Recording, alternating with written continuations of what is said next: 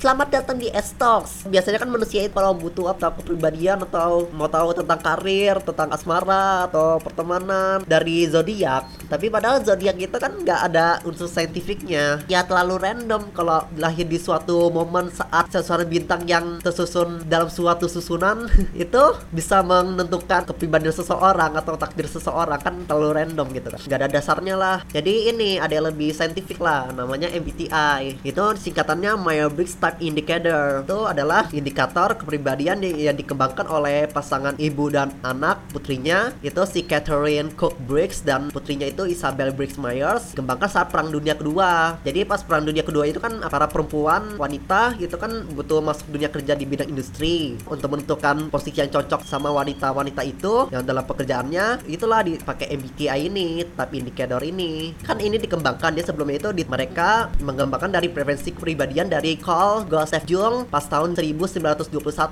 jadi unsur-unsurnya itu dikembangkan sama ibu dan anak Briggs Myers ini. Jadi ini type indikatornya gimana sih? Dalam MBTI ini indikator itu ada empat dan masing-masing indikator itu ada dua unsur. Jadi totalnya 8 unsur lah. Jadi indikator pertama itu introvert dan extrovert. Singkatannya itu I dan E. Ini pronounce-nya pakai Inggris saja ya. Maksudnya I itu E I itu I telah sebenarnya udah tahu kan perbedaan introvert dan extrovert yang loh tentang cara orang mendapatkan energi sendirian atau pas lagi sama manusia sama orang-orang. Jadi ini menentukan lah pekerjaannya cocok ke mana. Kayak misalnya kalau extrovert kan dapat energi kan dari ketemu orang-orang. Jadi cocok itu kayak itu pekerjaan kasir guru customer service apa gitulah. Kalau introvert lah itulah sendiri kan. Kayak ilmuwan lah kan butuh sendiri butuh konsentrasi programmer. Terus indikator kedua sensing dan intuition. Singkatan tuh S dan N. Jadi ini apa sih bedanya? Kalau misalnya sensing ini seorang yang dapat informasi dari baca indera mereka. Kalau misalnya yang intuition itu N itu dari indera keenamnya. Misal ilham intuisi hayalan atau gitu kan. Jadi ini bedanya kayak gini. Misalnya kalau ada seseorang di dalam ruangan kalau si orang sensing ini mikirinnya mendapatkan informasi oh ruangan ini warnanya catnya hijau ada jendelanya tiga suhunya 20 derajat luasnya 6 kali 5 gitu.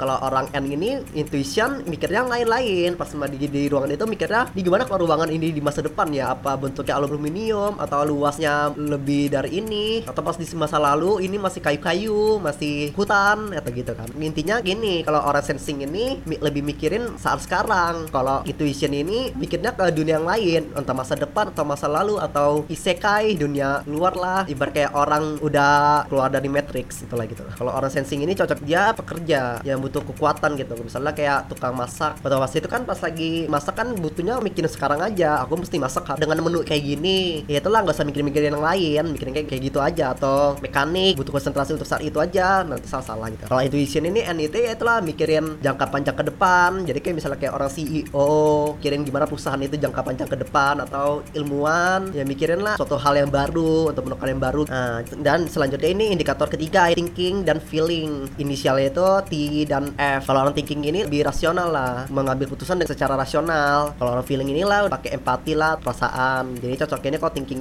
ya prajurit. Di perang kan salah musuh ini kan mesti dibunuh gitu. Jadi orang tinggi ini itulah pakai pikiran nasional. Kalau orang feeling ini itu pakai perasaan empati. Itu ya cocoknya kayak apa pekerjaan guru anak TK kan nggak bisa marah-marah pakai perasaan suster atau psikolog eh, psikiater lah atau terapis terapis itulah butuh perasaan. Terus juga ini indikator yang keempat untuk menentukan pola hidupnya itu judging dan perceiving. Itu pakai inisialnya itu J dan P. Bedanya itu kalau judging ini lebih akan judging itu memutuskan. Itu ya tapi itu cerita itu terencana terjadwal kalau perceiving ini ya dia lebih fleksibel orangnya siap siaga. Jadi kalau misalnya di pekerjaan itu janji karyawan yang butuh itu butuh terjadwal bekerja sesuai jam kerja. Kalau perceiving ini sibel gitu siap siaga. Contohnya kayak yang butuh-butuh darurat lah kayak pemadam kebakaran tata jaga polisi. Kan bisa kalau ada kejahatan tiba-tiba itu dibutuhkan gitu. Pemadam kebakaran itu kalau misalnya kebakaran tiba-tiba kan dibutuhkan kan segera. Atau dokter unit gawat darurat. Tadi kan udah tahu lah fungsi-fungsinya. Dibutuhkan apa sih? Jadi indikator-indikator ini menciptakan 16 tipe.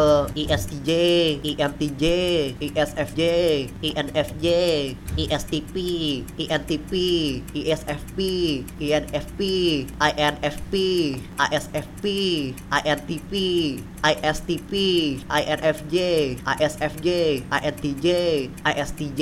Ini kalau misalnya kalian udah denger-dengerin tadi penjabaran TV, coba ya tebak-tebak masing-masing itu kepribadiannya gimana sih? Nah, jadi kan aku mencoba tes-tes ini mau cari tahu lah tipe kepribadianku gimana. Ya itu nanti kalian tesnya bisa aja di Google itu searching aja tes MBTI gratis gitu. jadi aku coba kan. Jadi aku dapat ENTJ apa sih katakan introvert intuition thinking judging. Jadi aku itu orang yang introvert suka sendirian atau intuition ya punya indera keenamnya lain lah. Mikirin yang lain-lain nggak mikirin saat ini aja. Thinking jadi aku lebih pakai pikiran rasional. Terus judging ya aku itu pakai rencana terjadwal. Nah, sometimes apa kalau misalnya udah mentok bersosial apa adalah ada energi sosialnya lah. Jadi nggak bisa bersosial terus-terusan. Kadang-kadang butuh sendirian. Dan intuisi itu juga aku aku suka mikirin lain-lain baca-baca sih mikirin mikirin Indonesia gimana ke depan atau mikirin teknologi di masa depan itu juga thinking aku aku juga kadang-kadang suka kejam sama orang. Ada kawan punya bisnis tapi aku kritik habis-habisan. Ya tanpa mikirin perasaan harusnya kalau orangnya feeling kita kan mungkin disemangatin. Ayo kamu bisa bisnismu itu bisa sukses. Kalau jajing ini setiap hari punya itu to do list. Dan aku punya jadwal punya jadwal sendiri. Pengeluaran pun aku juga catat gitu. Lah setiap beli sesuatu aku langsung catat pengeluarannya berapa.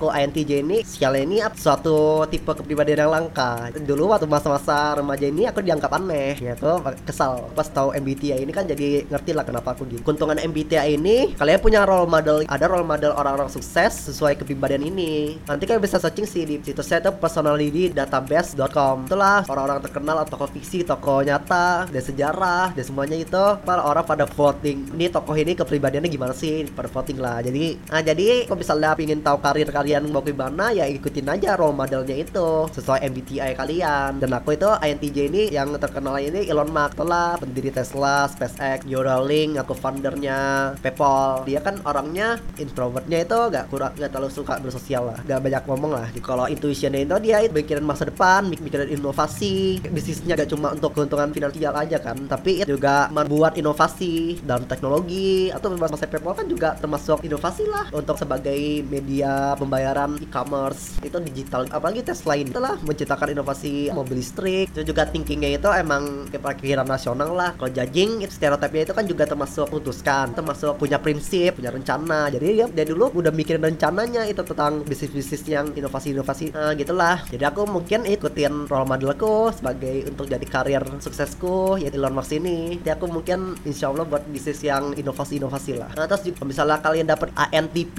itu role model itu Albert Einstein itu ilmuwan-ilmuwan gitu. Alan Turing rata-rata sih emang ilmuwan itu INTP itu kenapa? Karena itu kan intuition kan. Intuition kan jadi itu mencari inovasi. Inovasi juga menemukan penemuan baru. Pikirannya itu nggak terpaku saat sekarang aja. Terus juga introvert ini kan butuh apa butuh dapat inspirasi sendiri gitu. Kalau tinggi sama feeling sih kurang mempengaruhi sih. Tapi rata-rata kalau ilmuwan itu ya emang, emang rasional lah. Jadi kalau tentang perceivingnya ini intuisinya melonjak itu untuk untuk menemukan hal baru kan dia harus eksperimen. Rata-rata eksperimen itu nggak sesuai jadwal. Ya eksperimen lo terus sampai titik temu ya dapat sampai penemuan itu menemukan hasil. Oh, nanti kalau misalnya tentang jabaran-jabaran ini nanti aja sih di episode berikutnya lah. Jadi intinya gitulah ikutin aja role model kalian. Temnya ini semua masing-masing tipe kepribadian ini nggak ada yang jelek ya. Jadi semua sama lah. Semua unsur kan punya hal yang baik gitu.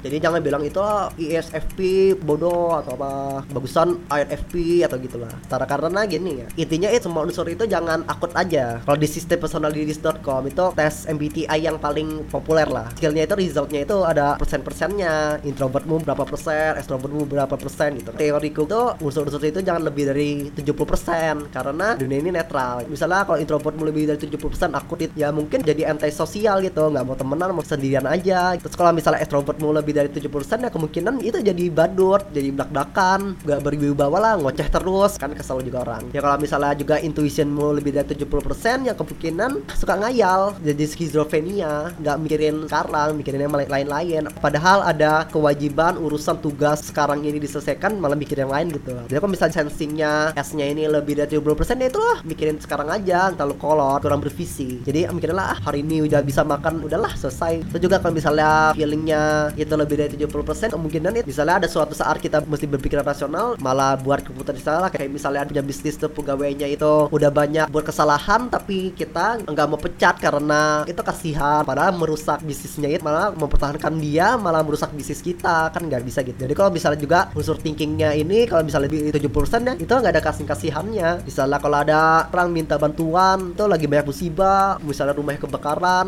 alhamdulillah terus kita malah nasihati ah kamu kan bisa kerja kamu masih punya tangan masa minta bantuan? Ya jangan gitu pasti punya empati juga kita gitu. Terus juga kalau unsurnya perceivingnya ini lebih dari 7% ya takutnya gini santai-santai. Karena perceiving ini kan fleksibel tapi dia dia mesti butuh tugas atau teks atau quest itu tuh mereka baru bergerak. Jadi kan bisa gak dikasih quest satu tugas itu ya mungkin seumur hidup bisa santai-santai aja. Nggak punya rencana lah. Terus kalau kalau misalnya judging ini lebih dari 70% ya itu fatal kaku. Jadi misalnya besok punya rencana jam 7 sampai jam 9 pagi sepedaan. Taunya besok hujan. Ah aku udah memutuskan ini. Aku harus melakukannya. Harus saya ikutin situasi Terus juga ini keuntungannya MBTI ini bisa dipakai untuk bersosial. Misalnya kalian ketemu orang, orangnya itu ISFJ, extrovert, sensing, feeling, judging. Pasti dia banyak ngoceh. Sensing itu mikirin sekarang gitu lah. Feeling sensitif, berperasaan. Jadi hati-hati aja kalau mau bersosial sama dia, jangan ngomongin konspirasi. Kenapa? Karena dia kan sensing, mikirin sekarang. Juga dipercayai dengan media-media mainstream. Apalagi kalau sensing ini pasti mikirinnya tentang kehidupan dia aja, tentang karir dia, dia bisa makan atau enggak, gitu, keuangan dia. Jadi mikirin aja ke situ-situ mikirin gimana cara meningkatkan karir yang ngomongin konspirasi elit global yang pasti nggak nyambung. Apalagi jangan feeling juga jangan ngedark joke jangan insult jangan sarkas yang jadi sakit hati ya gitulah. Ini bukan kode ya ini jadi konten aja. Itu juga ini kenapa aku bilang MBTI ini valid? Valid itu karena aku ini kan INTJ jadi aku ada kan kawan lain nyambung ngomongannya pas masa dulu udah nyambung nyambung aja ngomongnya gitu pas sekarang ini ngetes ya itu